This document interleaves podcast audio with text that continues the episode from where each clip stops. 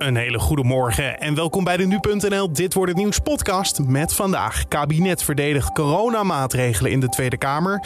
Militairen opgeleid om GGD'en te helpen bij uitvoeren coronatest. En Mark Koevermans vertrekt als algemeen directeur bij Feyenoord. Dat zo eerst kort het nieuws van nu. En mijn naam is Carne van der Brink. Het is vandaag woensdag 1 december.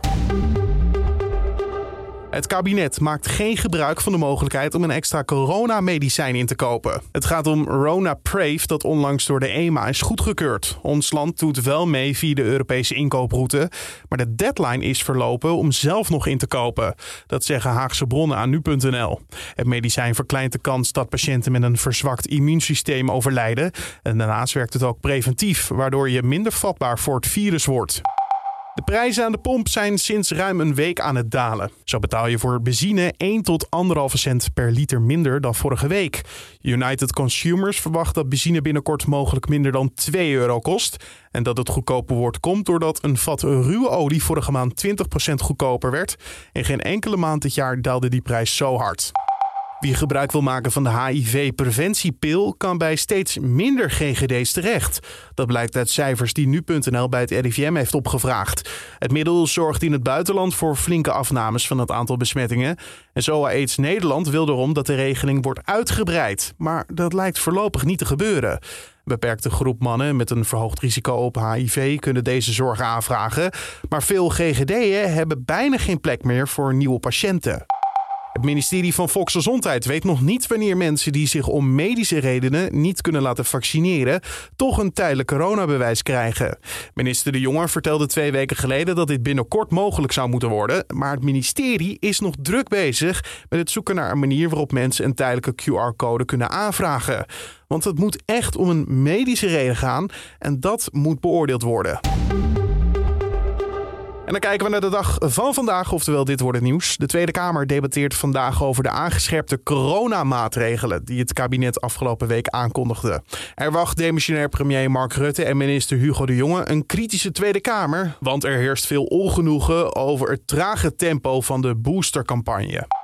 Zo'n 400 militairen worden vanaf vandaag opgeleid om GGD'en te helpen bij het uitvoeren van coronatest. Zo'n training neemt een dag in beslag, daarna kunnen ze direct helpen bij de uitvoering. Vandaag komen de eerste militairen aan beurt, volgende week maandag vooralsnog de laatste. En bij Feyenoord vertrekt algemeen directeur Mark Koevermans. Hij kondigde zijn vertrek eind oktober aan. Koevermans werd bedreigd en zei zich zorgen te maken om de veiligheid van zijn gezin. Zo werden in september nog ruiten van zijn woning ingegooid. Dat zou mogelijk te maken hebben met de plannen van een nieuw stadion voor de Rotterdamse club. En dan het weer van vandaag. Nou, toen ik naar de studio reed, leek het wel alsof eh, ik door de geluidsbarrière heen ging. Zo hard waaide het. Maar of dat de hele dag ook zo zal zijn, dat hoor je van Wouter van Bernebeek van Weerplaza. We hebben vanochtend te maken met bewolking en regen, maar die regen trekt geleidelijk naar het oosten weg. En dan breekt af en toe de zon door. Wel komen daar nog enkele buien voor in de plaats. En in de loop van de middag zou daar in het binnenland zelfs wat hagel of een vlok natte sneeuw bij kunnen zitten. De maximumtemperatuur wordt vanochtend al gehaald, ligt rond een graad of 10. En in de loop van de dag wordt met een noordwestelijke stroming steeds koudere lucht aangevoerd, waardoor de temperatuur steeds verder gaat dalen. Verder komt er veel wind te staan in het noordwesten, mogelijk een harde tot stormachtige westenwind, met ook daar kans op zware windstoten. Vanavond en vannacht neemt de wind af, maar er blijven enkele buien vallen, mogelijk met winterse neerslag. En dat geldt ook voor morgen. En morgenmiddag wordt het niet veel warmer, meer dan een graad of 5. Dankjewel Wouter van Bernebeek van Weerplaza. En om af te sluiten nog even dit. Bijna driekwart van de Nederlanders bezit één of meerdere slimme apparaten. Volgens onderzoek van het CBS worden vooral slimme meters voor water, gas of stroom veel gebruikt. En ook gaf een kwart van de mensen aan een slimme thermostaat te gebruiken.